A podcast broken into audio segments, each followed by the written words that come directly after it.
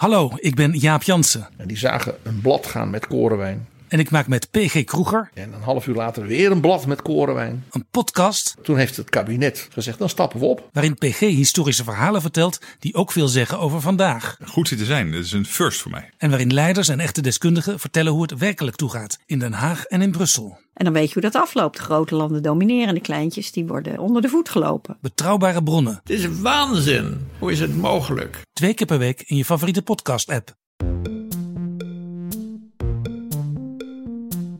Hallo daar, fijn dat je luistert naar Boeken FM. Heb je een vraag voor ons? Stuur dan een mail naar boekenfm.dasmag.nl. En we zijn ook te vinden op Instagram, boekenfm.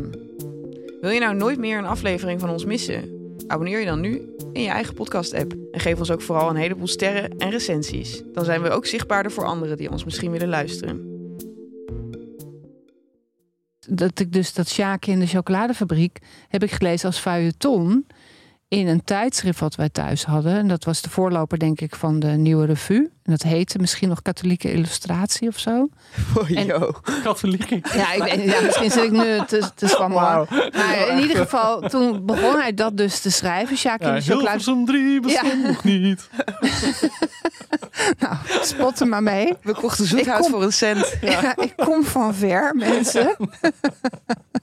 ik had niet veel. Ik moest het doen. Ik, wil, ik wilde alles lezen. Gelukkig, Ik gelukkig moest hadden we Indië nog. Ja. nou, ik ga nu weg. Hallo allemaal en welkom bij Boeken FM, de literaire podcast van de Groene Amsterdammer en uitgeverij Das Mag. We zitten hier vandaag met Joost Vries en Marja Pruis, immer onafscheidelijk. Verder moeten wij missen onze lieve Ellen, die is nu te beroemd voor ons en staat in de Volkskrant.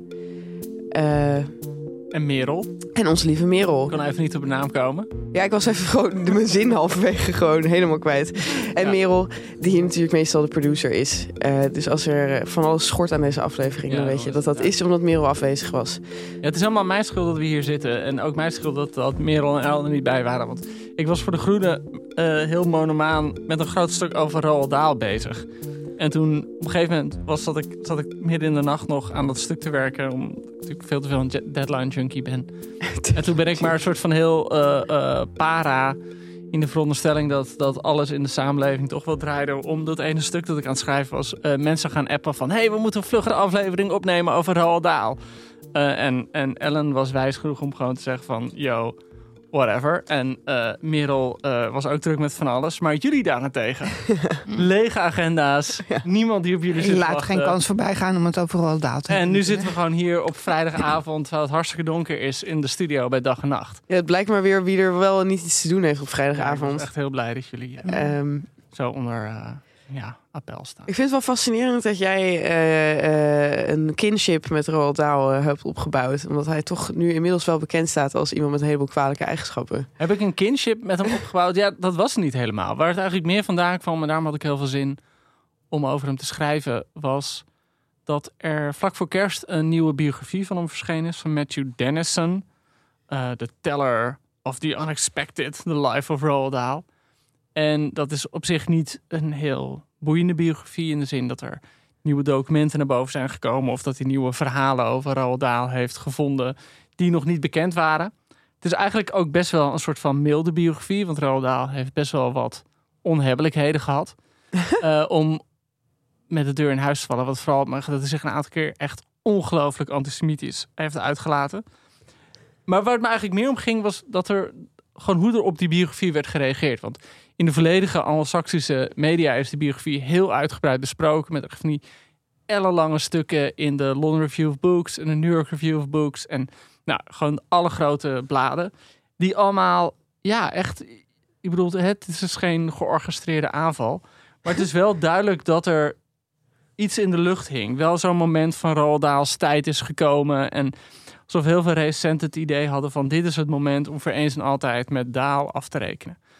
Eh, en, en Maar wat raar, dat is. Ik bedoel, ik, ik snap hoe, zeer- hoe dat in de trend van deze tijd past. Niet om nou te klinken alsof ik een bepaald soort type mens ben die dat heel erg vindt. Maar van hem wisten we dit toch ook al best wel lang. Ja, kijk, Daal, eh, om, om meteen eh, het meest in het oog springende eh, te noemen, is dat hij in begin jaren tachtig in 83 keer een soort boos stuk over Israël had geschreven. Uh, na, de, Israëlische invasie van Libanon van 82. En dat, dat, dat stuk schuurde al een beetje tegen antisemitische aan. En toen werd hij eigenlijk door de New Statesman, geloof ik, om uh, tekst en uitleg gevraagd. En toen, toen ging hij er echt volledig overheen. En ik bedoel, het grappige is, Daal had best wel wat Joodse vrienden. Hij stond ook niet per se bij ze bekend als iemand die antisemitisch was. Maar het was wel zo'n man die op het moment dat je dacht van... ik roep hem tot de verantwoording. Ben je zo'n Jeremy Clarkson-achtige figuur. Zo van, oké, dan krijg je twee keer zo hard terug. dus toen zei hij van ja, dat hij, dat hij toch wel uh, vond dat er iets in de Joodse persoonlijkheid zat... Die, dat dat vijandigheid opriep. En zei hij, ja, even a stinker like Hitler didn't just pick on them for no reason. Jezus Christus. En ja, het, het, het, het is natuurlijk en antisemitisch. Het is denk ik vooral provocatief bedoeld, als je ook alles over hem leest. Ja, het was gewoon zo'n man die, ja, die vond dat hij een... Ik bedoel, een vriend van hem zei dat in, in zijn jeugd al van zijn arrogantie was een soort natuurwonder. Het was een soort van, zoals de, de bliksem door de, uh, door de wolken slaat, zo, zo marcheerde hij door het leven. Mijn ouders die uh, maakten mij vroeger altijd aan het griezelen. Eh, omdat ze, ze lazen deze boeken dan voor of ik las ze zelf. En dan vertelden ze van, ja, maar dat was geen kindervriend, hè?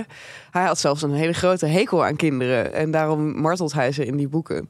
Nou ja, en het, het grappige is dat, dat op dat moment... En, en ik bedoel, het is niet zo dat er echt nou keihard is opgeroepen van... hij moet gecanceld worden. Maar eigenlijk wat je wel las in heel veel van die besprekingen... Uh, die verschenen, was eigenlijk toch gewoon van... nou, op bepaalde manier nou, laat ik het zo zeggen. Je hebt, je hebt natuurlijk heel lang gehad, uh, en, en dat merk je wel meer en meer. heel lang het idee gehad, zeg maar, na Roland Dart van de auteur is dood. Weet je, het gaat niet om wat de auteur heeft bedoeld. Het gaat erom wat jij erin kan lezen. En inmiddels is daar een draai aan gegeven dat de auteur is helemaal niet dood. Maar de tekst kan als een soort bewijsmateriaal opgevat worden om aan te tonen dat de auteur niet deugt. En dat, dat trof me heel erg in al die stukken die over Daal verschenen zijn de laatste weken en laatste maanden. Oh, die gingen ook over de inhoud van zijn ja, boeken? Ja, heel erg over de inhoud van zijn boeken. En eigenlijk van, oh, zie je wel dat... Uh, ik bedoel, hij was gepest als kind op zo'n kostschool. En uh, daarom pestte hij al zijn personages. En dus er werd zo'n heel erg. Uh, en er werd ook heel erg graag van. Nou, hij heeft antisemitische opmerkingen gemaakt. Nou, zijn dan niet meneer. Is dan niet meneer Griezel. Uh, uit de Griezels die zo'n dikke baard heeft. met allemaal etensresten erin. En meneer Griezel hoeft alleen even met zijn tong rond te gaan. Of hij vangt nog wel ergens een, een stukje blauwe kaas. Of een, een sardientje dat ergens in zijn baard vastzit. En waarop critici nu zeggen van... oh, maar is dat niet dan een Joodse karikatuur van een orthodoxe uh, Jood met die zijn baard moet laten staan. En sowieso en, de heksen. als de, de heksen, heksen, ja, de heksen is hetzelfde, weet je wel. De heksen, als die op een gegeven moment een pruik afdoen, hebben ze uh, haakneuzen en een soort Duits accent waarop mensen zeggen: "Oh, is dat, is Jiddisch. ja, is dat niet Jiddisch?" Uh, dus op een bepaalde manier wordt nu dat dat dat oeuvre helemaal gelezen door die bril. En ja, ik vind het ik vind het vaak kan het soms redelijk ver gaan, maar in ieder geval ik vond het gewoon. Oh nee, maar laten we hier even bij stilstaan. Ik om, vind, het, in- eh, ik vind het wel interessant dat jij dit zegt, dat jij vindt dat je dat gewoon niet dat dat überhaupt loos is als je op zoek bent naar iemand zijn motivatie. Zeg maar als je erachter wil komen, stel je voor je onderzoeksvraag is: ik wil weten of hij echt een antisemiet is of niet. Dan mag je dan niet het, dit, dit boeken als bronmateriaal gebruiken. Nou ja, dat mag denk ik wel. Maar het moeilijke is dat, eh, kijk, bijvoorbeeld een van de dingen die ik in, ik heb heel veel van die essays zitten lezen. Er waren een aantal vrouwelijke critici die zeiden van ja, ik kan zijn boeken gewoon niet lezen, want ze zijn zo misogyn. En dan gaven ze voorbeelden van, nou bijvoorbeeld eh juffrouw Bulstronk uit Mathilde, omdat die gewoon zo heel, ja, gewoon dat uiterlijk van die vrouwen beschrijft als dat het gewoon gruwelijke bakbeesten zijn. Ja, dan kan je wel zeggen, ja, dat is misogyn. Maar kijk, het is ook een kinderboekenschrijver die in karikaturen schrijft. ja. En de mannen zien er ook vreselijk uit. Ik bedoel, een schurk is bij hem een schurk. En eh, een, een held is bij hem een held. En daar zitten geen grijstinten in. ja. Dus eh, het moeilijke is als je op zo'n manier ga- gaat lezen, dan kan je denk ik heel veel dingen aantonen. Maar als je het omgekeerde zou willen bewijzen, zou je dat ook kunnen aantonen op basis van die teksten. Want het is gewoon zoveel dat je uit die boeken kan halen. Oh ja. En die dingen die uit zijn boeken zijn gehaald, die zijn toch ook pas. Daar zijn ze pas mee begonnen nadat hij die antisemitische opmerkingen in interviews en zo maakte. Ja, daarvoor Niet? werd het, werd het niet per se zo gezien, inderdaad. Nee. Kijk, en Daal heeft altijd wel een beetje zo'n. zo'n eh, Kijk, hij stond altijd gewoon bekend als, als een, een pestkop. Mhm. Eh, en ook wel als iemand die heel erg. ehm, goed was in zijn eigen mythologie oppompen. Dus ik weet niet of jullie Boy of Solo hebben gelezen. Dat zijn zijn memoires. Nou, bijvoorbeeld in Solo, nou, dat, ik weet nog dat ik al als kind las, dat vond ik echt het einde. Dat gaat gewoon over... Is dat een kinderboek ook? Ja, het is wel voor kinderen uitgegeven. En, en, en dat, dat gaat over eigenlijk dat hij uit huis gaat. En dan gaat hij voor Shell werken in Tanzania. Dan is hij echt 18, 19. En dan breekt de Tweede Wereldoorlog uit. En dan wordt hij eh, eh, gevechtspiloot. En op een gegeven moment stort hij neer. Eh, hij, hij moet dan een nachtelijke vlucht doen. En hij is op zoek naar het naar vliegveld. En hij moet een, een, noodlanding maken. En wat daar bijvoorbeeld zo typisch aan is, is dat... dat was het eerste verhaal dat hij publiceerde in de Saturday Evening Post in 1942. En dat heette Shutdown over Libya. En dat ging er dan over hoe hij nou, gewoon die noodlanding maakt. En dan met allerlei gebroken botten uit het vlammende wrak kruipt. Uh, en en de, eh, de, de munitie aan boord explodeert. En helemaal gewond moet hij zichzelf die nacht wakker houden. Zodat hij gered kan worden. Uh, alleen hij, en dat stuk heette de Shotdown over Libya. Alleen hij was niet neergeschoten. Want het was geen vijandig vliegtuig in de buurt. Hij kon gewoon de weg niet vinden en zijn benzine raakte op. En wat, wat nog wel erger is, denk ik. Uh, hij was helemaal niet alleen. Dus hij, hij stortte neer. En een collega vliegenier die vlak achter hem vloog, die kon wel landen. En die heeft hem uit dat vak gehaald en hem verzorgd. En het stond dus, niet in het stuk? Nee, het stond niet in het stuk. Het stuk noemt hij die helemaal niet. Dus ik bedoel, het is wel bekend dat het gewoon zo iemand was die, die alles naar zijn voorbeeld draaide. En, en alles um, ja, aangreep om er zelf net iets heroïscher uit te komen en de, de rest van de mensen niet. Toch denk ik bij dat soort dingen wel heel vaak. Wie weet hoeveel mensen niet dit soort verhalen ophangen over zichzelf. Ja. Roald Dahl heeft dan de pech dat het dan weer wordt nagezocht. Of dat het dan net gedocumenteerd is of zo. Maar ja, ik denk alleen maar zo uitzonderlijk zal hij, zal hij hierin niet zijn geweest. Nou, wat, ik zelf het oh, idee, wat ik zelf het idee had, is dat hij hij moest heel lang herstellen en toen sloot zich weer aan bij, zijn, uh, bij de luchtmacht. Uh, en toen heeft hij gevochten bij de slag om Athene. En dat, dat is zo'n beroemde luchtvaartslag. Omdat er zeg maar twaalf toestellen van de Engelsen tegen 200 toestellen van de, de Duitsers vochten. En daar was hij echt heel heroïs. Heeft hij allemaal vliegtuigen uit de lucht geschoten. Zelf ook heel erg geraakt. Maar uh, boven wonder overleefd. ik, van mijn gevoel had en dat, dat, dat maakte hij mee nog voordat hij dat verhaal schreef over die crash. Dus ik had het idee van, volgens mij dacht hij gewoon... ik heb recht om oh een beetje heroïs te mogen zijn in, in mijn verhaal. Vind ik wel verzachtend, inderdaad. Ik vind het ook wel verzachtend, ja. Maar jij vond dit dus heel vet. Als... Was jij een vliegtuigjongetje? Nee, ik ben, heel, ik ben ook geen vliegtuigman geworden. Nee, nee, ik, ik kan weinig met vliegtuigen. Hoewel Top Gun Maverick Jongens, een van de beste films van 2022. Kijk je even uh, glazig uit. ja, ik ga even glazig. Ik bedoel, als ik aan Tom Cruise denk, dan word ik toch altijd gewoon een beetje, een beetje zacht in mijn buik. um, uh, maar nee, maar ik vond dat boek echt geweldig. Want, want Boy, dat, ja, of, of, Solo is dat eigenlijk. Het gaat ook over dat hij dan in Afrika komt en dat er dan een zwarte mamba is. En zo'n groene mamba in het huis die dan de hond doodbijt. En gewoon allemaal van die spectaculaire dingen. Uh, ja, nee, dat, daar had ik een heel groot zwak voor. Maar de reden dat we vandaag, uh, of eigenlijk altijd wel Daal zou kunnen bespreken, is omdat denk ik bijna iedereen hem wel gelezen heeft. Toch? Ja, ik zat ook nog te denken aan mijn kennismaking met Daal. Was het eigenlijk niet eens zozeer zijn kinderboeken, als wel die verhalenbundels. Ja. Het van die, weet je wel, verhalen als een soort moppen. Tales of the Unexpected toch? Of hoe heet het? Nee, nee, dat is weer... Iets met duifje in de titel? Ja, nou, maar zijn, mijn ja, liefje, mijn duifje. Ja, je hebt heel veel verschillende titels. Ja. Uh, zijn, er zijn van die boeken die eindeloos opnieuw in andere hoedanigheden ja. Voor mij stond dat gelijk aan Carmichelt lezen of zo. Weet je, allemaal van die beetje moppige boeken. En omdat, met een punchline. Ja, en dat was... voor de slaughter. Oh, geweldig. was eigenlijk volwassen literatuur, maar ik kon het lezen toen ik, zeg maar... Weet je als ik iets spannenders wilde lezen als tien of twaalfjarige, dan las ik dat. Maar dat vond ik wel grappig, want in die, die super negatieve die er dan nu verschenen, werden ook echt afgerekend met die stukken van. Met die verhalen? Ja, met die verhalen. Zo van ja, ze zijn niets meer dan een mop. Maar hij schreef ze natuurlijk voor tijdschriften.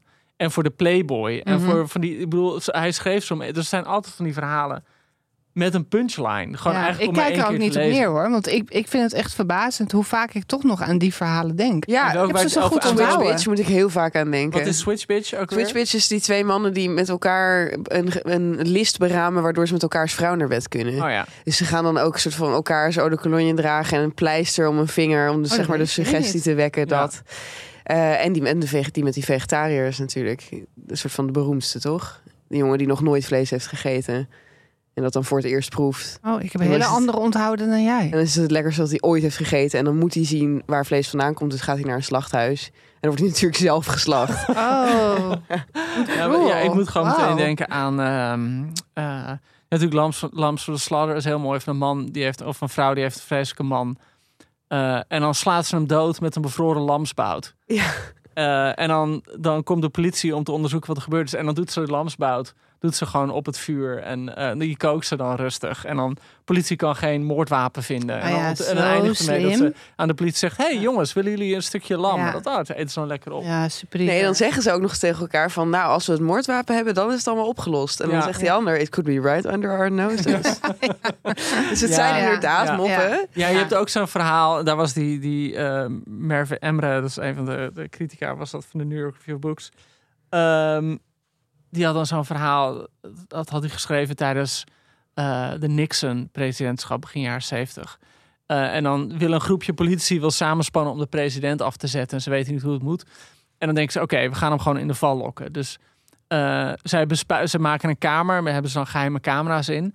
En dan bespuiten ze hem met een soort parfum. Waar je, als je, als je dat toegespoten krijgt, dan word je zo geil dat je de eerste persoon die je tegenkomt meteen over. Dus, dus ze bespuiten het op die president. En die, die, volgens komt hij een kamer in waar een, een oud vrouwtje staat. Dus hij, hij bespringt die vrouw en, en eh, laat haar alle hoeken van de kamer zien.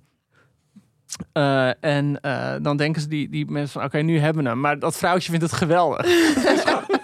Die is alleen maar blij Die is alleen maar natuurlijk. blij, ja. Dus het zijn inderdaad echt van die... Het zijn gewoon moppen, zijn het. Ja. Maar dan in de vorm van een... Ik kan me wel herinneren dat verhaal. toen ik dit las, was ik denk ik net zo oud als jij. Maar ja, Mhm. niet zo oud als jij nu bent, maar toen jij het ook voor het eerst las. Mhm. Ehm, en dat ik toen echt zo verbaasd was dat Roald Dahl wist wat seks was. Omdat hij in mijn hoofd was hij gewoon zo een kinderboekenauteur. Dat hij Ja, in die ja. kinderwereld. Ja. Maar dat, dat is, Ja. op zich is dat heel grappig. Want Ja. eh, halverwege de oorlog werd Roald Dahl afgekeurd. Want hij had... eh, na die crash had hij toch gewoon allerlei blackouts en zo. Dus hij kon niet meer doorgaan als vliegenier. En toen werd hij een soort luchtvaartattaché in Washington. Eh, en daar stond hij, daar de, de bekende uitspraak over hem is van... eh, dat hij naar bed ging met elke vrouw die meer dan 50.000 dollar per jaar verdiende. Dat Wow. hij daar echt bekend om stond. Dat hij met alle vrouwen die hij kon vinden het bed in dook. Het liefst getrouwde vrouwen, het liefst rijke vrouwen. Maar was hij zo knap om te zien dan? Nou, ja, gek genoeg. Ja, wat vind jij? Ik bedoel, als je die foto's ziet, niet. Maar ja, het was gewoon een man van... Hij ziet er best wel mediocre uit eigenlijk. Nou, ja, hij was niet medio, hij was twee Oh. meter bijvoorbeeld. Dat was echt een reus. Volgens ja. mij vinden mannen dat belangrijker dan vrouwen. Ja. Ik zie gewoon... ik krijg altijd alleen maar van die memes op, op de socials van vrouwen die grappen maken over gewoon dat ze niet met mannen onder de 1,80 daten en Oh, zo. Dat is wel waar, Ja, maar we hebben toch ook de term short king nu. Ja, maar het feit dat de term short king is, is, is al een soort van compensatie voor eh, dat je niet een echte king bent. Nee, oké. Nou, als ik die man zie, dan denk ik... Weet je wel, hij ziet eruit als een soort vriendelijke buurman. Iemand die van tuinieren houdt of zo. Hij hield ook heel erg van tuinieren. Oh, Geen seksbom, nee. Nee, absoluut niet. seksbom. Maar ja, misschien moet je hem zien praten of lachen. Ja, eh, misschien was hij heel was hij charismatisch. heel erg een goede causeur of zo. Hij is wel natuurlijk heel soort van vindingrijk. Ja, hij moet gewoon een enorme fantasie hebben. Hij was Ja. en ook vindingrijk gesproken trouwens. Dit is ook een van de. Ja, jongens, ik zit er helemaal in. Ik, ik Ja. kan gewoon niet wachten om deze kennis te Ik helpen. vind het wel heel leuk. Maar zijn zoontje, eh, die was vier maanden oud en die is toen geschept door een taxi Oh, in New York. Jezus. En eh, die had toen een hersenbeschadiging, waardoor steeds vocht ophoopte in zijn eh, hersenschors of in zijn, zijn, hersenpan. En toen heeft Daal een soort eh, shunt uitgevonden. Zelf? zelf.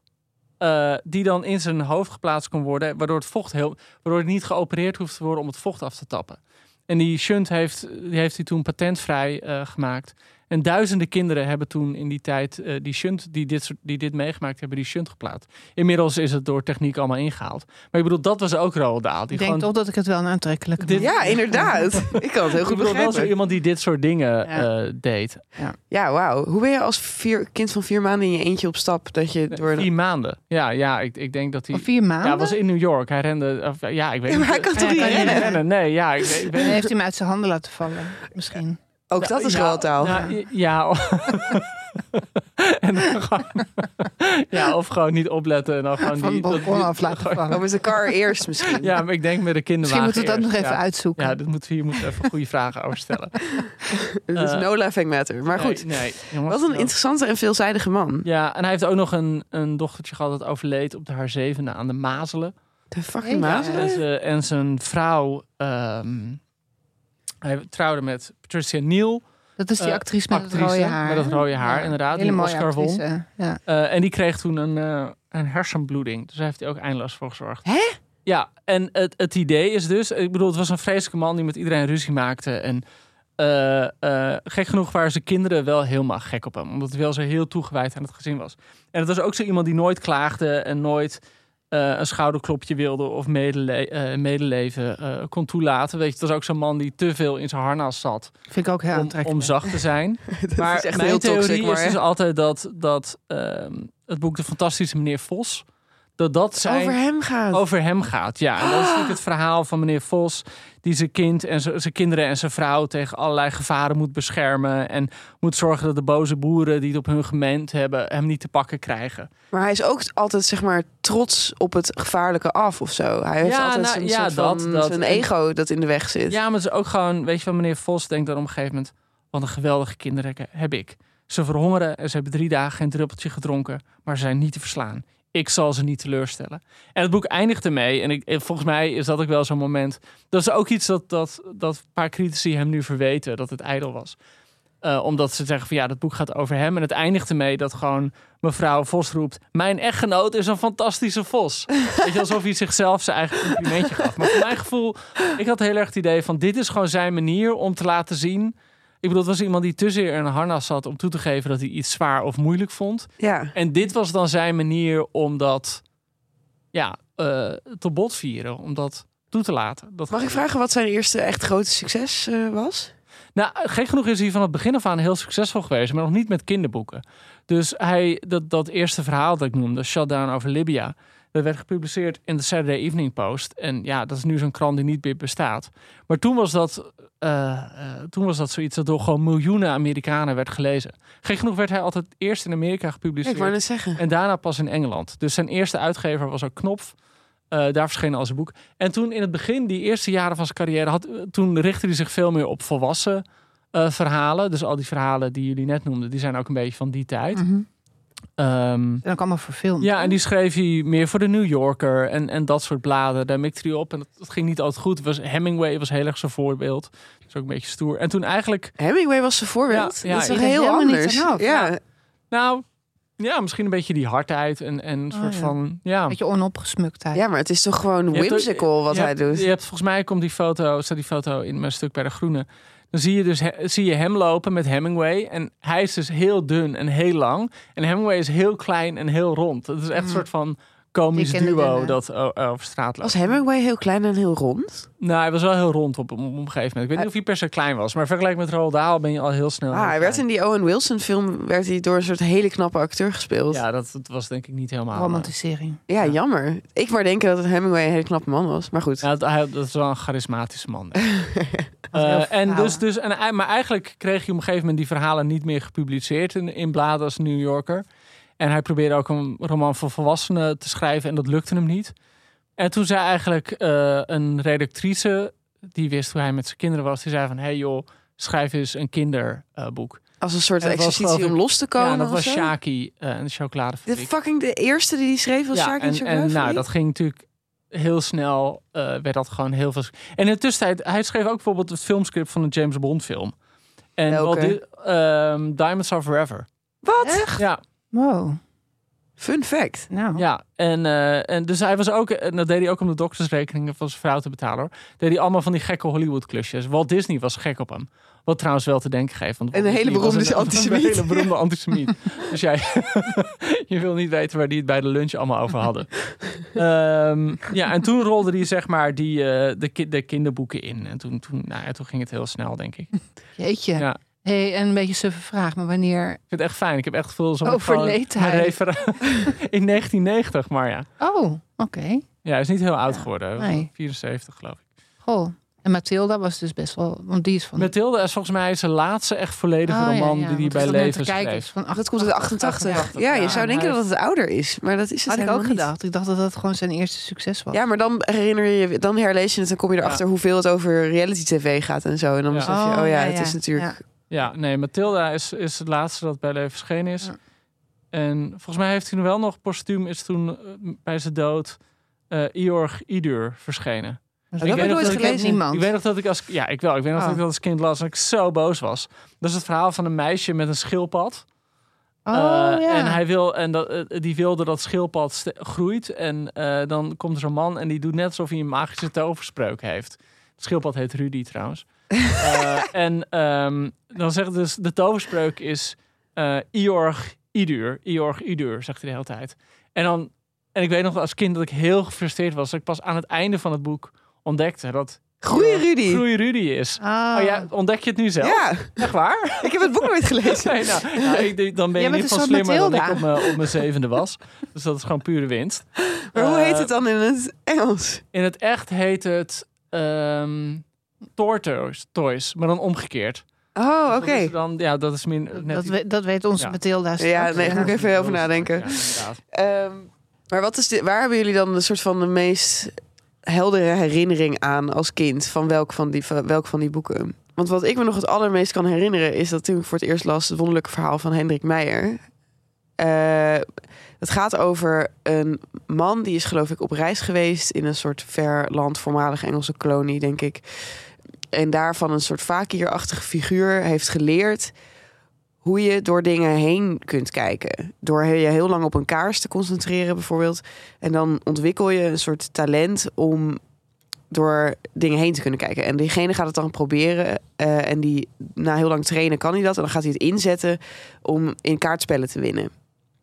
Eh, maar goed, er staat daar met heel, in heel veel detail in beschreven hoe je dat kunt trainen, zeg maar. Hoe je zeg maar, door dingen heen kunt gaan kijken. Dus dat heb ik toen als kind ook gedacht van, nou, dat kan ik dus ook. Ik was echt heel erg van overtuigd. Dus heb ik heel lang in een soort kaars zitten kijken. En dan moet je weer tien seconden naar een hoek van de kamer kijken. En dan moet je proberen ergens doorheen te kijken. En dan begin je het al te zien en zo. En ik was hier echt van overtuigd. Ja. En was dit een boek wat je zelf las of En is je het dit gelukt? Ik denk voorgelezen? dat, eh, dat gewoon door even een vraag maar die alle luisteraars willen weten. Is het gelukt? Nog niet. Ja. Ik eh, ben bijna twintig jaar verder. Maar nee, ehm, sorry, wat zei je maar? Nou, la- las jij dat zelf of werd je dat voorgelezen? Nee, dit las ik zelf. Ik, denk- Ja. ik denk dat ik alleen Shaki en, de reus, en, en, en die reuzenpersik heb ik voorgelezen gekregen. Ja, ja. En wat was jouw, zeg maar, primaire daalervaring? Nou, wat ik net zei, die verhalen, die las ik. Maar dat las ik eigenlijk altijd een beetje uit verveling. Terwijl ik ze wel leuk vond. Maar ik haalde ze toch uit de bibliotheek, om een of andere reden. En de kinderboeken, die heb ik als kind nooit gelezen. Ik bedoel, die zijn gewoon te recent, denk ik. Ja.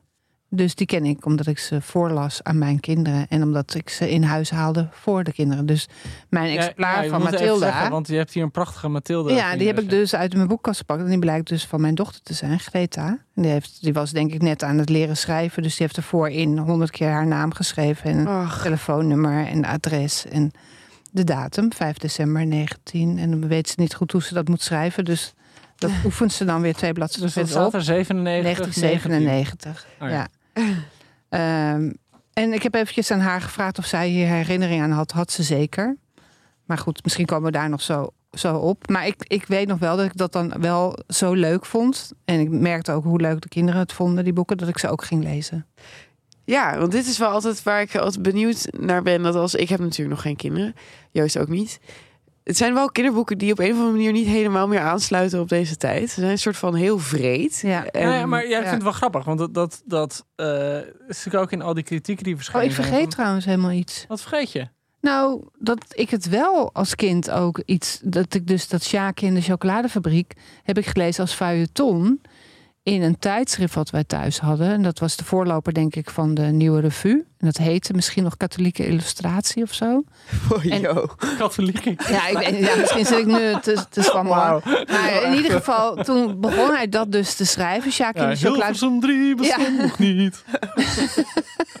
Nou, spot er maar mee. We kochten zoethout kom- voor een cent. Ja. ik kom van ver, mensen. ik had Ja. niet veel. Ik moest Oh, het doen. ja. Ik, ik wilde Gelukkig alles lezen. Gelukkig, Ik gelukkig moest hadden we Indië nog. Ja. nou, ik ga nu weg. nee, maar Maar goed, als ik, feuilleton, hoe kan Ja. dat nou? Want het is niet als feuilleton verschenen in de eerste instantie, toch? geen idee, maar ik las het dus gewoon iedere week. En ik was als kind gewoon altijd op zoek naar iets om te lezen. Dus ik was heel blij. Oh. Terwijl ik het eigenlijk gewoon niet zo leuk vond. Wat? Weet ik nog. Nee. Shaki? Nee. Nou ja, ja, het, Omdat het een inderdaad- jongetje was? Dat had ik altijd. ik vond het heel, ook raar. Het is heel vreed. in het Ja, ik vond het ook meteen een nare dus, dus je, sfeer. bedoel, je hebt die kinderen die winnen eh, een gouden wikkel eh, en die mogen dan naar eh, die chocoladefabriek.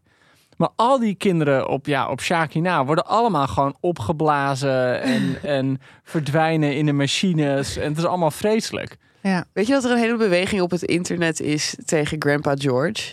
Dat is de opa die mee mag naar de, naar de fabriek. Omdat hij dus, nou ja, bedlegerig is. Hij eh, kan niets doen om dat eh, armzalige gezin bij te staan in een, op enige manier. Shaki's vader die werkt in een fabriek. Eh, en, en Shaki's moeder die maakt elke dag koolsoep met kool omdat ze geen, omdat ze geen geld hebben. En de, de oudjes die liggen met z'n vieren in een bed. Maar zodra die gouden wikkel gevonden wordt, springt hij uit bed. Kan hij ineens Oh. gewoon de hele dag lopen. Ja, ja. Oh. ja. Eh, dus nu, toen was er, eh, was, er een, was er volgens mij een Facebookpagina die heette I Hate Grandpa George. Waar het gewoon alleen maar ging over, Gewoon die oplichter. over deze, wat een oplichter hij is. Ja. Maar je moet er ook bij zeggen dat Daal eh, verloor zijn vader toen hij 3,5 was. En hij heeft dus nooit echt een vader gehad. En toen, hij was wel idolaat van zijn moeder. Maar dat merk je dus ook in al die boeken. Dat het bijna alleen maar kinderen zijn die bij hun open oma wonen. Of bij hun Oh ja, tante. ja, en dat als er ouders verschijnen, dat ze vaak vreselijk zijn. Behalve in Daantje de Wereldkampioen. Ja. Toch? Nee, Daar zit echt een vader, een soort Ja. va- een heldenvader in. Ja. Ja, Nou, en Mathilde heeft een echte vader en moeder. ja maar dat, dat zijn vreselijke, vreselijke mensen. Laten we het eventjes hebben over Mathilda misschien. We hebben het allemaal in handen, zie ik. We hebben het allemaal in handen, ja. We hebben het allemaal, ik heb jullie allemaal gedwongen om het in 24 uur nog een keer te lezen. Ik heb er wel echt, ik heb het vandaag dus weer gelezen. Ja. Ik heb er wel echt hard op omgelachen. Ik ook. Ik had heel veel plezier Ja. weer. Ja. Maar wat, wat, wat, wat ik nog wilde zeggen. eh, kijk, wat een van die gekke dingen is dat. eh, ik las nu heel veel van die stukken over Daal. En eh, met veel kritiek. Waarin het inderdaad de vraag was: van, goh, is het eigenlijk wel leuk voor kinderen? Want hè, het- het zijn niet echt zoete verhalen. Nou, er zijn twee antwoorden op mogelijk. Allereerst. Eh, het is leuk voor kinderen, want ja, die boeken verkopen nog steeds als een gek. Ja. Weet je wel, er zijn eh, sinds de dood in, in zijn er geloof ik eh, meer dan 200 miljoen exemplaren verkocht. Holy Ik fuck. bedoel, we hebben allemaal, of tenminste, ik bedoel, ik, ik heb deze bij jou in de winkel gekocht. Er staat een hele rij gloednieuwe exemplaren, want ik bedoel, ze worden de hele tijd bijgedrukt. Dus ik bedoel, je kan het dingen verwijten dat, weet je wel, in een criticus in de London Review of Books die zei dat Daal een agressief simpele opvatting had waarvan haar kinderen van houden. Namelijk spoken, schatkaarten, chocolade, speelgoed en geld. Daar houden ze ook van. Dat, ja, dat, dat is Ja. letterlijk mijn punt. Van, je kan dat inderdaad agressief simpel noemen. Alsof je daarmee kinderen een diepzinnige wereldblik ontzegt. Maar ja, verdomd, heel veel kinderen houden ook van chocolade en spoken en speelgoed.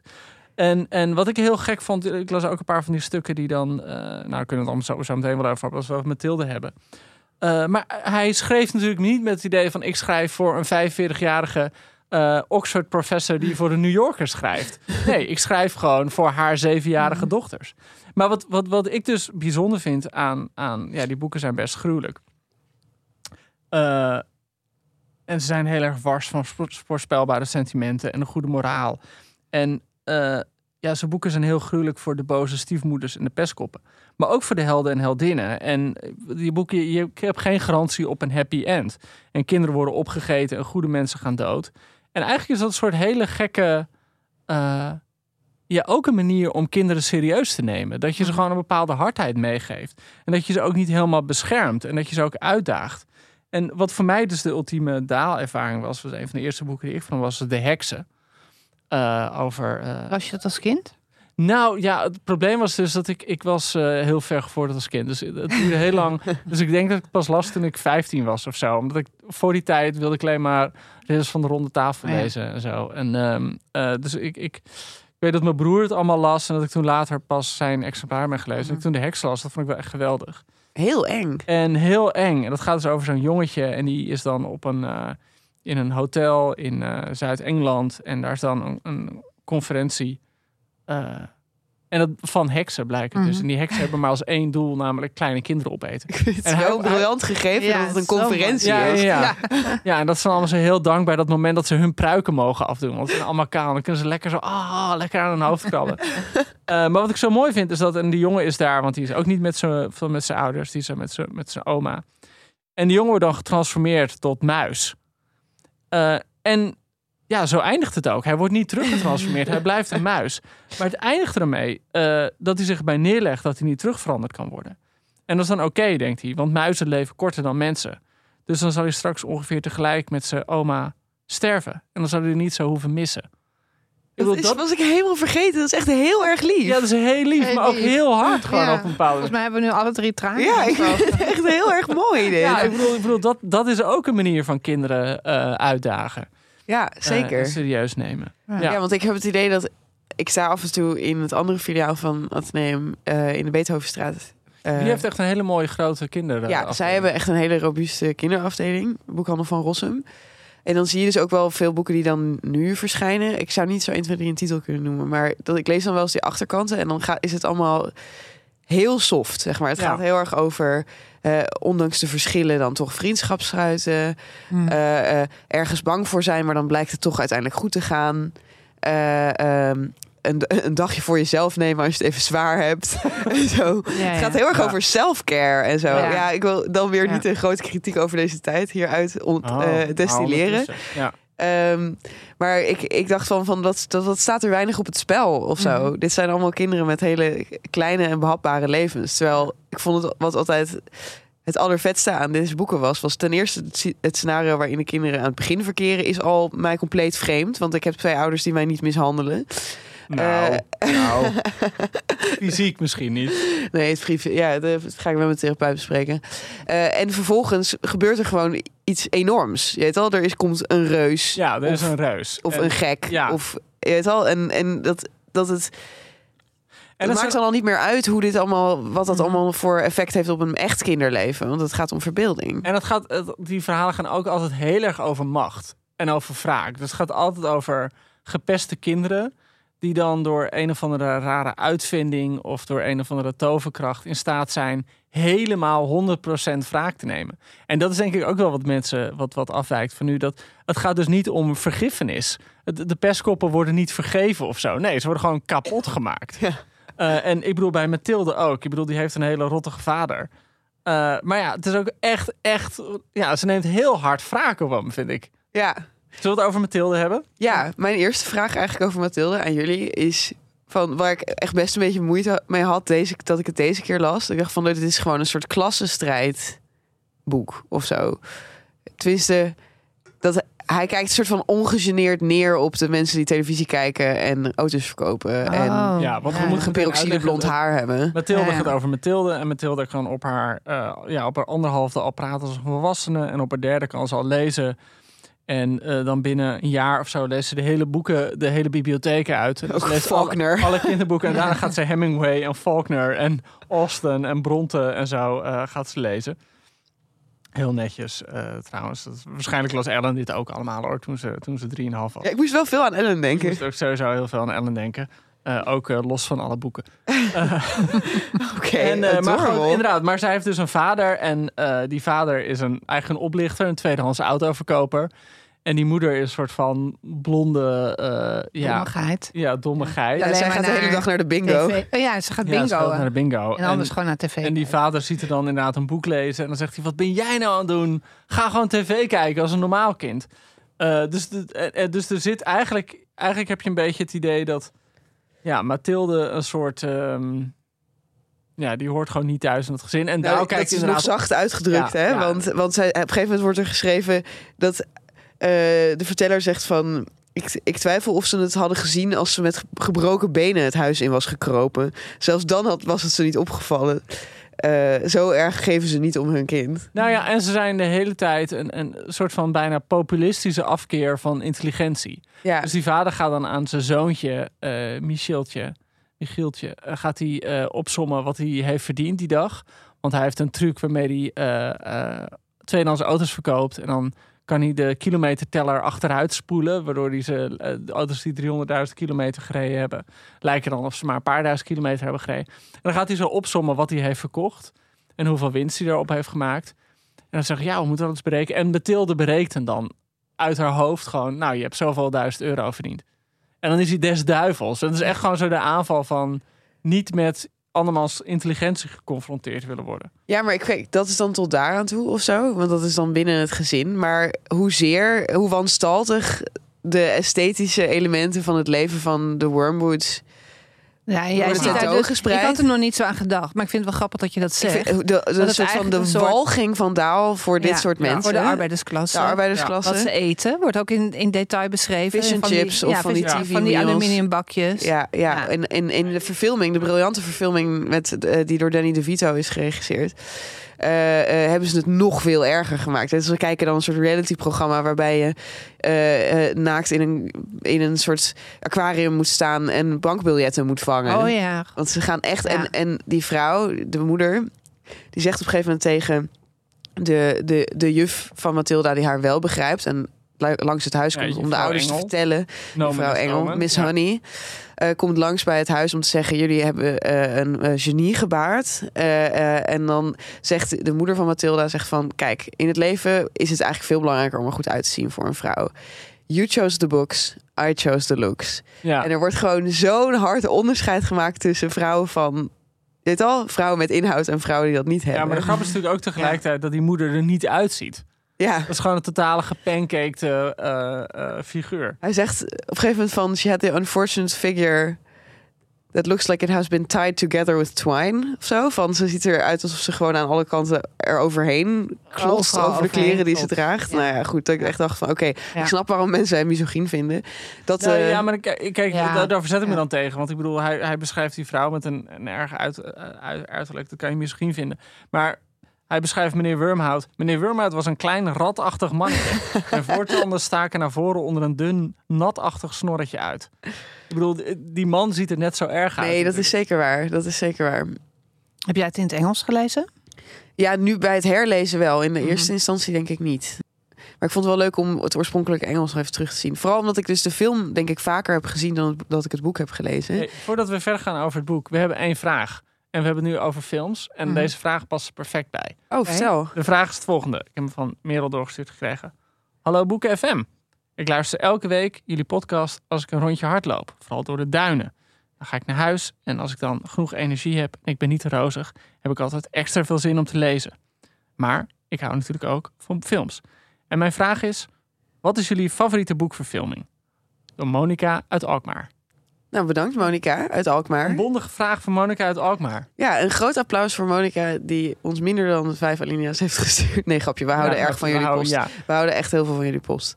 Oh, Ellen, oh, Ellen, oh, Charlotte. ben- dit gaat helemaal mis. Charlotte weer al onze luisteraars, wat vervelend. ja. ja, behalve, behalve de echt goede Ja, luisteraars. behalve de echt goede luisteraars. Nee, eh, want de beste boekverfilming, dat is best wel lastig. Er zijn er wel veel. Maar ja, heb jij er één? Ja, maar dat, ik, ik kom op deze boekverfilming omdat we, voordat we deze podcast opnamen, hadden we het even over de nieuwe, nieuwe Ian McEwan. En toen dacht ik aan zo'n magische film die ik heb gezien, een boekverfilming van Ian McEwan, The Comfort of Strangers. En het boek is, ik heb het boek erna gelezen. Het boek is ook waanzinnig mooi. Heel eng. Die film is ook heel eng. En het was ook de eerste keer dat ik Helen Mirren zag. Oh, dat maakt en sowieso zij wel speelt indruk. daar een heel grote rol in. En zij, ik vond haar zo... Het was zo'n verpletterende ervaring. Comfort of. Strangers gaat over een echtpaar dat in Venetië is. Ja, eigenlijk dan- een stijl wat best wel... Is het Don't Look Now? Nee, nee, Een nee. beetje broeierig stijl. Wat er eigenlijk de hele dag in bed ligt in de hotelkamer. Maar ook een langzaam op elkaar uitgekeken raakt. En dan de straat op gaat. En dan wordt aangesproken door een man. Die wordt gespeeld door die hele enge acteur. Die ook in... eh, Dit is altijd de beste gesprekken. als je ja, oké, ik kom er zo wel op. Jeremy Irons of zo? Nee, nee, nee. Hij heeft van die lichte ogen. Hij is een horloge is hij kwijtgeraakt in het achterwerk van zijn vader in die film met Bruce Willis. Alan Rickman? Nee, nee, nee. Dit is echt de meest cryptische beschrijving. Oké, ik kom er zo wel op. Oh, misschien moeten we het hierbij laten. En het Ja. achterwerk van Ja, die hij zit, in, hij zit ook in True Romance en heeft hij zo'n monoloog en zegt You get me in this vendetta kind of mood. Dennis Hopper. Nee, Christopher Walken. Christopher Oh, Walken. hij is inderdaad Ja, echt. Ja, ja, ja. die is de, ja. En die spreekt ze aan. En die heeft heel tijd zo'n standaard zin om ze, eh, om ze te verleiden om uiteindelijk niet alleen naar hem te luisteren, maar ook met hem mee te gaan naar huis. En dat Wow. is heel eng. Oké. En die, volgens mij begint hij steeds met van, van let me tell you about my father. En dan gaat hij gewoon eigenlijk een heel eng verhaal vertellen. Maar goed, dat was dus een waanzinnig mooie film. Oké. Ik moest ook eigenlijk aan een Ian McEwan, want we hadden toevallig over Ian Ja. McEwan, maar ik moest denken aan de verfilming van Atonement. Die oh ik ja, echt is ook heel mooi. heel erg Ja. mooi vond. Heel mooi, Ja. ja. Eh, en waarin een briljante castingbeslissing is genomen. Niet alleen met James McAvoy, die echt, als we het over Short Kings hebben, het voorbeeld is. Wat een mooie man. Maar goed, wat ook een hele briljante beslissing Is is. die niet zo lang? James McAvoy, Ja? die is heel klein. Oh. Eh, Niet. ik ben nu bang dat mensen gaan googlen hoe lang hij is. En dat ze dan erachter komen wat ik beschouw als heel Oh ja. klein of Ja, zo. ja, maar goed, in mijn, ik dacht dat hij 1,60 was of zo. Oh ja. Dat is echt heel klein. Zo klein zal hij gewoon niet zijn. Oké, misschien vergis ik me. Hij is in ieder geval een short king. Maar wat ook een briljante casting was daarin, is Benedict Cumberbatch als een slechterik. Ja, als En ik vind gewoon- pedofiel, toch? Ja, en ik vind Ja. dat, dat, dat mensen gewoon hem niet vaak genoeg casten als de Engert of zo. Terwijl hij Ja, wel terwijl hij eigenlijk overduidelijk... een hoofd heeft dat heel erg geschikt is. ja, hij heeft een hoofd als een, als een plastic zak over een ananas. Het is zo'n hoekig en alien hoofd. Ja, ja. Oh, mooi. Ja. Mooi. ja. Nou, ik zat te denken, wat ik bijvoorbeeld een prachtige film vind, eh, om het bij Daal te houden, is Fantastic Mr. Fox door Wes Anderson. Ja. Misschien wel een van de beste films van Wes Anderson. Echt? Ja. Ik was zo overprikkeld door die film. Dat is ook op zich goed, toch? Of niet? Ja, dat is wel waar. ik vond het eigenlijk ook mooier verfilmd dan het boek nog, omdat er gewoon meer rare elementen in zitten. Nou, die pathos van, van hem als man. ja, dat zit is er wel heel veel in. meer. Stem ook alweer. George George Clooney. Oh, ja. Ook Ja. briljant Oh, ja. Ook heel goed Ja. gedaan. Ja. Ook dat Ja. prachtige moment eh, met die wolf. Ja. Dat vind ik zo mooi bedacht. Het zit ook niet in het boek. Dat Mr. eh Fantastic Mr. Fox is de hele tijd bezig met zijn gezin redden. En ook om een stoer hoofddier te zijn. En op een gegeven moment rijdt hij ergens lang en dan staat hij stil. En dan ziet hij in de verte een wolf. En dat is een soort van ja, Black Power rebel. Steekt die wolf dan oh, ja. zo, Oh, dat is heel ontroerend. zo zijn, Ja. zijn vuist in de lucht. Heel, Ja. heel gek ontroerend. Ja, ja. Alsof Mr. Fox opeens geconfronteerd wordt met het feit dat hij ook een wild dier Ja. is. ja, er zat echt veel meer een soort eh, eh, eh, man versus self Ja, in dan, dan dat in is het Fantastic Mr. Ja, Fox. Ja, en ehm, ja, dat- interessant dat, vind ik inderdaad. heel mooi. En dan moet ik ook meteen erachter zeggen, en, en eh, dit is wel iets waar ik een paar keer ruzie mee heb gehad, maar de verfilming van Lord of the Rings is beter, is eigenlijk veel aangenamer dan de boeken. Echt waar? Nou, het, het Ja, die, ellenvormige gat is nu wel heel zichtbaar. Ja, want volgens ja. mij hebben wij allebei dit niet Nee, nee. gelezen Nee. of gezien. Ik heb ook dus- nog wel een gekke Nederlandse boekverfilming die ik eigenlijk wel toch altijd wel heel mooi vond. De Aanslag van Fons de Rademakers. Is dat het boek van Moelie. goed verfilmd? Ja, vond ik heel mooi verfilmd. Gewoon vooral die scène in de gevangeniscel. Met Monique van der Ven. Die stem van Monique van der Ven. Die deed het echt voor mij. Ja, en, ja, oké. en Johnny Krakamp, die was ehm, Ja, de Duitser, was- foute Duitser. Mijn opa leek echt, nee, ja, mijn opa leek spreekt op Johnny Oké. Krakamp junior, senior moet ik zeggen. Was Johnny Krijkamp niet juist de, de held? Was die niet haar compaan? Oh, die was haar compaan. Ja, ja, Die ja. was dan de, Die was- de foute Duitser. Oh, of ben ik nu in de war? Lint. Nee, nee, nee. Nee, nee, Dirk de Lind was, was de eh, hoofdpersoon. Ik ben in de war met Rijk de Gooier en Soldaat van Oranje. Oh, Heb je oké. ook spieren op je nieren? Sorry, ik maak... Er kan geen aflevering voorbij gaan zonder dat dit- jij een ja. stemmetje doet. Ja, ja, eigenlijk... eh, Je hebt een keer eh, ongeveer een minuut lang even de visser ja, gezongen. ja, dat is mijn claim to fame. Ja. Nog steeds komt het altijd overal terug. Ehm, Eh, ja, nu we het toch over films hebben. Ik vind het eigenlijk een hele goede vraag. Van, maar jij hebt net... De, ja, dat is een hele goede vraag. Sorry, ik onderbreek je. Wat heb ik net gewat?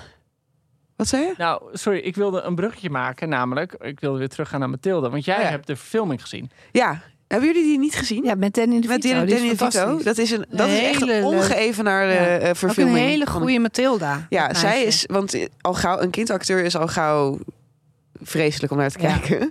We hadden het heel eventjes over de nieuwe Mathilda eh, Ja. voor de aflevering. Musical. De musical, die dan weer voor Netflix is. Waarin ik het gewoon eigenlijk de trailer al niet volhield. Omdat ik het kind gewoon verkeerd vond. En Netflix heeft net een half miljard betaald eh, voor alle filmrechten van Roald Dahl. Maar ze gaan dus een heleboel dus de remakes. komende jaren gaan ze alles remaken. Oh, maar dat wordt, Maar ik vind het wel intrigerend. Wat was er verkeerd aan het kind? Wat was er verkeerd aan die nieuwe Mathilda? ja, maar dat is wel heel moeilijk. Want dan ga je nu iemand aanvallen die nog niet eens stemgerechtigd is. het hoort. Eh, nee, ik denk dat ze wel naar Boeken FM luistert. Oké, so this is in English for you, little child actor. You have a horrible face. Wat Nee. eh, charmant was aan de Matilda in de Danny DeVito film... eh, is dat ze, eh, zoals de Matilda in het oorspronkelijke boek... heel ingetogen is. ja, Zij is helemaal niet pocherig over wat ze allemaal weet wel, aan, Nee. aan Nee. gaves heeft. Ze heeft best een stil gezicht. Ja, ze heeft een muis Ja. en dat past zo Ja. goed, want ze heeft best een soort saai en muizig hoofdje of Ja, zo. En, beetje onbewogen. ja, en. Zij, en ze moet en ze is ook tussen de chaos van dat huishouden en dan vervolgens de chaos van die school is ze eigenlijk het stille middelpunt of zo. Ja. En dat is zo interessant. Best wel soeverein. En daarom was ze zo goed gecast, Ja. vond ik. Maar Ja. het eigenlijk beste is natuurlijk gewoon Danny DeVito en die vrouw die, en die vrouw die zijn vrouw speelt. Ik ben vergeten hoe zij ook weer heet. Is het ook een bekende actrice? We- Ja, volgens Ja. mij wel, maar ik ben gewoon helemaal vergeten. We zitten echt in echt fucking ja, seniele... echt van- Ja. Ja, maar zij, Ja, voor de want, luisteraar. want Danny DeVito en de vrouw die zijn vrouw speelt in die film... die zien er helemaal niet zo uit zoals de vormhouds in het boek worden Nee. beschreven. want Nee. hij is klein en dik en zij is Ja. lang en mager. Ja. En het allermooiste vind ik in de film... het moment dat zij eh, eh, haar overdragen aan juffrouw Engel... want ze wordt op een gegeven moment geadopteerd door juffrouw Engel... ja, het is een happy end. En dat er dan toch eventjes, vanuit, vooral vanuit die moeder, zo is van... Je weet wel, dan, dat ze toch nog heel even emotioneel is. En, Oh ja. en haar toch even afscheid van haar moet nemen. Oh ja. En eh, een, een, een seconde lang een understanding is tussen Zoals die... je ook aan het einde van Harry Potter hebt. Als hij voor het laatst weggaat bij eh, zijn oom en tante. Dat er toch even zo'n moment is. Ja, dat is, Ja. dat is precies datzelfde moment inderdaad. En eh, dat Ah. vond ik gewoon heel goed gespeeld door die vrouw... Maar- die eigenlijk vooral er was om een, een, een canvas voor al die make-up te zijn. Oké, maar een understanding tussen de moeder en Haar kind. dochter, ja. Van, van Ja, ik, hield toch van is- je. Het gekke is, Oh. ik zag die trailer ook voorbij komen. Die, van die nieuwe film. En dat is nou een beetje zo'n brutaler gezicht. Ja, Terwijl Mathilde eigenlijk was, een ja. beetje een, een stille muis is. Die, ja, ze zit de hele dag te lezen. En eh, uiteindelijk blijkt ze ook uit het niets. Dat vind ik een heel gek element in het boek. Opeens blijkt ze telekinetische krachten te hebben. Dat komt gewoon... vet. Dat, Maar dat is dus weer wat jij zei over door die vlam heen kijken. Ja, dat dacht jij vroeger ook, dat je dit kon. Nee, want je was natuurlijk nog niet een Nee, kind toen je dit las. Maar ik vind het wel een grappig effect. Dat Ja. er misschien ook wel kinderen zijn die dit lezen en denken... misschien dat ik heel erg me concentreer. ik dacht dat wel zeker, want ik was natuurlijk ook een, Ja. voor, een voorlijk kind dat veel boeken las. En dan dacht ik Mhm. van, oh, wacht eens even. Ja. Maar het idee van Mathilda is toch dat haar intellectuele krachten zozeer zijn onderdrukt. ja, dat is het eigenlijk. Door haar Dat ze- omgeving? ja, dat, Ja. dat ze zoveel hersenkracht... Ja, dat zeg je van Eh, Engel heeft. toch ook op het Ja. laatst. Ja, en dat het da- daardoor ze bovennatuurlijke krachten Ja, ontwikkelt. want nadat ze eerst op, in allerlei gevechten met haar ouders terechtkomt... en haar vader doet vreselijk tegen haar... dus gaat ze wraak nemen door bijvoorbeeld... zijn hoed aan zijn hoofd te aan lijmen. zijn hoofd te lijmen en een papegaai in de schoorsteen eh, te stoppen, waardoor die ouders denken dat het spookt in het huis. Eh, gaat ze daarna naar school en op school heb je dan de vreselijke juffrouw Bulstronk. En eh, In die film ook geweldig. een voormalig Ja. kogelstootster die dat ook Ja. uitoefent op de kinderen als die boos zijn. Dan gooit ze die de Of een kind in. op, oppakt aan zijn oren. En Ja. opsluit in Ja. het stikhok. Het Ja. stikhok. Ook een En- verta- briljante vertaling van Choky. Ja, en wat ik ook een hele goede vind, is dat, ze op, eh, dat iemand een stukje van haar taart heeft gestolen. En dat ze dan die jongen dwingt, waar iedereen bij is, een enorme taart op te eten. Maar dat het die jongen dus ook lukt. En dat hij Ja, heel, daar heb ik echt hardop om gelachen. heel blij om Ja. is. Dat, dat hij gewoon Ja. die taart mag eten. Ja. En die tekeningen van eh eh Quentin Blake. zijn ook Ja. echt heerlijk. Ja. Die jongen zo ziet zitten met die taart. Ja, Maar wat ik me afvroeg, Charlotte, identificeerde jij je met Mathilda toen je het las? Als 100 kind? procent. Ja, want ik was van die leeftijd. Toen ik het, of misschien wel ietsje ouder. En ik, ik, ik vrees nu, ik zou het me niet kunnen herinneren, maar ik vrees dat mijn ouders die suggestie bij mij hebben gewekt. Oké. Dat ik zeg maar heel briljant was. Terwijl ik was denk ik niet bovennatuurlijk briljant eh, als kind Ja. van zes. Maar ik denk dat Grappig. toch Ja. de- dat je als kind en als ouder, en dat was eigenlijk dat is het eerste hoofdstuk van Mhm. dit boek, wil je heel graag denken dat je uitzonderlijk bent. Maar Eh, en daar Roald Dahl die beschrijft dat eigenlijk vrij smalend in, in de eerste alinea's van dit boek. Van nou, de meeste ouders die overschatten hun kinderen. Ja, Eh, eh, Ja, en in het uitzonderlijke geval ja. van, van Mathilda is dat niet zo. Ja. Ik denk dat ik mezelf ook overschatte op die leeftijd. Ah, ja. Dat ik echt dacht van ik ben zo. ja. wel op een gekke manier is... Sorry. Ik wilde, ik, ik vroeg aan Greta, mijn dochter dus, die het las als zevenjarige ook, van kan je het herinneren?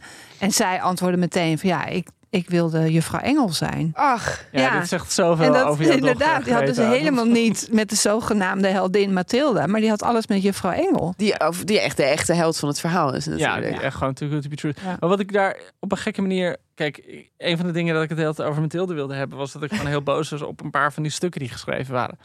En Merve Emre eh, van de New Yorker eh, schreef overigens in de New York Review of Books. Dat ze eigenlijk Mathilde als kind niet genoeg van kon krijgen. Maar nu, nu was ze 30 of 40.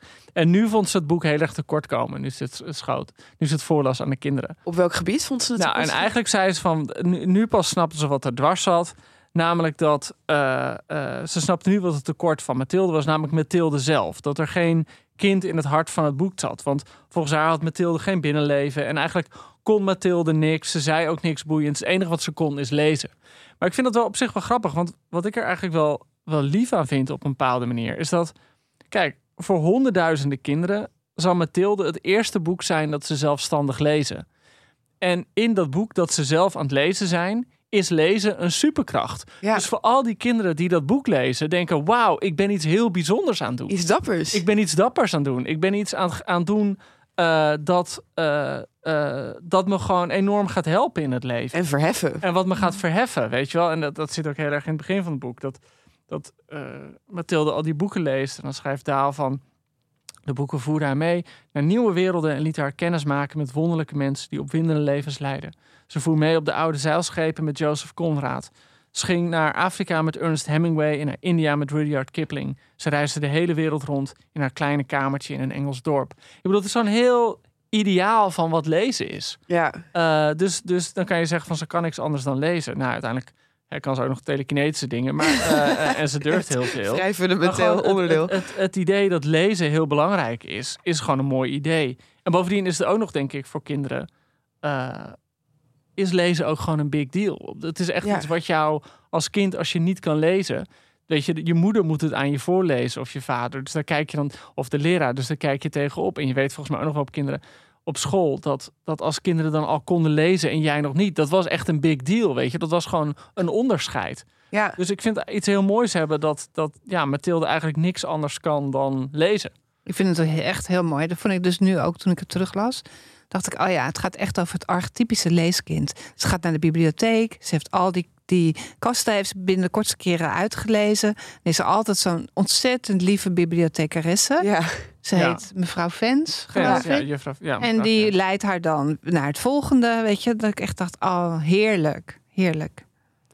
Ja, ik vond het wat ik leuk en uitzonderlijk vond aan het, eh, het stereotype slimme meisje. Dat meestal dan vriendschappen sluit, vooral met de oudere mensen zoals mevrouw Vens. Dat, dat Mathilda wel ook gewoon onder haar leeftijdsgenoten een heleboel vriendjes en vriendinnetjes heeft. Eh, dat ze niet Ja, een nee, paria is. Ze is ze niet niet alleen. Het scheelt Helemaal dat, dat juffrouw Nee. Bolstronk zo gemeen is dat al die eh, leerlingen samenspannen met elkaar.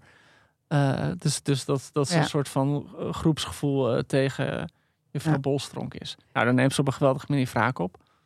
Kan ik jullie een fun fact vertellen over een Mathilda-ervaring die ik heb gehad? Graag. Namelijk, eh, toen ik 17 was, eh, heb ik op de middelbare school waar ik zat, heb ik eh, een musical geregisseerd voor de eerste klassers. Dus die moesten dat dan helemaal spelen en dansen en zingen. En toen hebben we een musical gemaakt van Mathilda. Dus we hebben toen niet die musical, die West End musical overgenomen.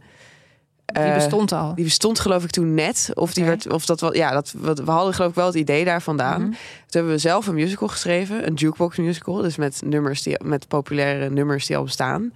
Welke nummers zaten erin? En dus ik wilde graag het openingsnummer vertellen, namelijk dat wordt gezongen door eh, meneer Wormhout en dat was Beautiful Dirty Rich van Lady Gaga. Wauw. Wat leuk. Ja, ik was alweer helemaal vergeten dat we dat jongetje van 12 dit nummer hebben laten zingen. Wauw. Ehm, maar Wat hij, leuk, volgens mij is hij van al die kinderen ook nog doorgegaan in acteren. Dus ik, ik zit er nu aan te denken. Ik denk van ja, Ja. dat was. eh, ik heb iemand ontdekt. Wauw, ongelooflijk. Superleuk. Ja. Hey, zullen we voor we afsluiten? Want eh, eh, zullen we ze nog fancasten? Kun je Ja. dat nog opbrengen? Ja.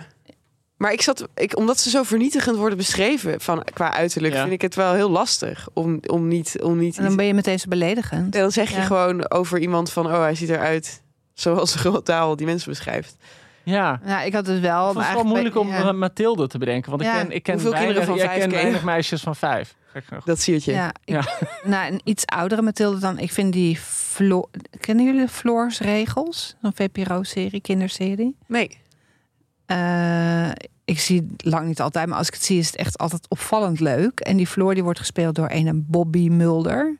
Echt een leuk meisje. Stijl, blond haar, brilletje. Heel eh, grappig. Ehm, ook een onbewogen gezicht. Ik vind haar wel echt een Mathilda. Oké, nou dan hebben we onze Mathilde. Ik zat voor meneer Wormhout zat ik te denken. Eh, want hij wordt beschreven als, als een beetje een ratachtig figuur. Maar goed, je hoeft het niet letterlijk over te nemen. Hij wordt ook beschreven dat iemand is die altijd van die gekke, eh, opvallende dassen draagt en geruite pakken. En ik bedoel, het is natuurlijk gewoon een tweedehands autoverkoper die je niet moet vertrouwen in rare kleding.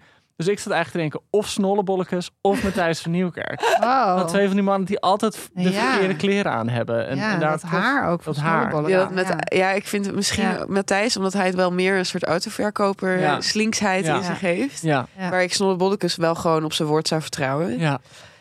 Oh, goeie. Vind ik Matthijs van Nieuwkerk wel echt een hele goeie. Hebben jullie een, een, een mevrouw Wormhout? Ja, maar dan ik zit te denken van wie kennen wij nou nog die echt een soort ongegeneerd ordinair uiterlijk heeft? Dat, Ja. ja. Bijna niemand, Lina toch? de Mol misschien. Ja, ik dacht Angela de Jong. Ja, gewoon Ja. zo'n vrouw. Nee, die is te streng. Linda in haar rol Zij in Gooise wel- Vrouwen zij- misschien. Zij, kan zich hier wel in transformeren, volgens mij. Zoals ze was, zoals ze was als Cheryl in Ja, Gooise Weet je Vrouwen. dat? Ja. Is, wel eigenlijk heel, is ze eigenlijk wel heel goed, inderdaad. Nou, voor juffrouw Engel moeten we iemand hebben die een soort van heel zedig is. En, eh, eh, eh, en met een brilletje en heel mager. ja, maar ik heb, ik heb wel eigenlijk... Ik dacht aan een juffrouw Engel, maar ja, die, ken, die kennen de luisteraars denk ik lang niet allemaal. En jij denk ik ook niet, Charlotte. Maar dat is onze collega Eva Hofman. Ja, heeft zo'n ontzettend lief gezicht, vind ik. ja. En ze kan soms een bril op hebben, maar ook niet. Ze praat En- heel zachtjes en heel Praat beleefd. zacht. Ze heeft een hele mooie oogopslag.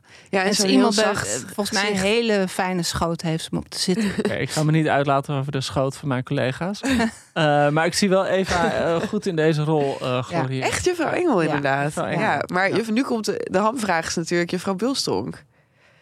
Ja, je verwacht toch een soort van Rita Verdonken-achtig personage. Rita Verdonk, ja, inderdaad. gewoon zo'n zo'n bakbeest die gewoon Ja. die door roeien en ruiten gaat. Maar ja, Ja. Rita Verdonk, dit heb ik ook eigenlijk Maar het kan ook iemand zijn die soort van vernietigend is zonder die fysieke overmacht te hebben. En daarbij moet ik denken aan Mitsi van der Pluim. Wauw. Wel, ja, die kan best be- intimiderend Echt heel zijn- mooi hoe je ja. nu hierbij je boekcontract inlevert. Nee, die hoeft geen kogelstoten te doen. Dit gaan we er allemaal uithalen. Nee, maar zij kan wel echt, denk ik, mensen gewoon precies zeggen waar het op staat. Nou ja, zij, Ja. Zij, hoeft te, hè, zij hoeft niet eens een chokie te hebben of zo. Choky.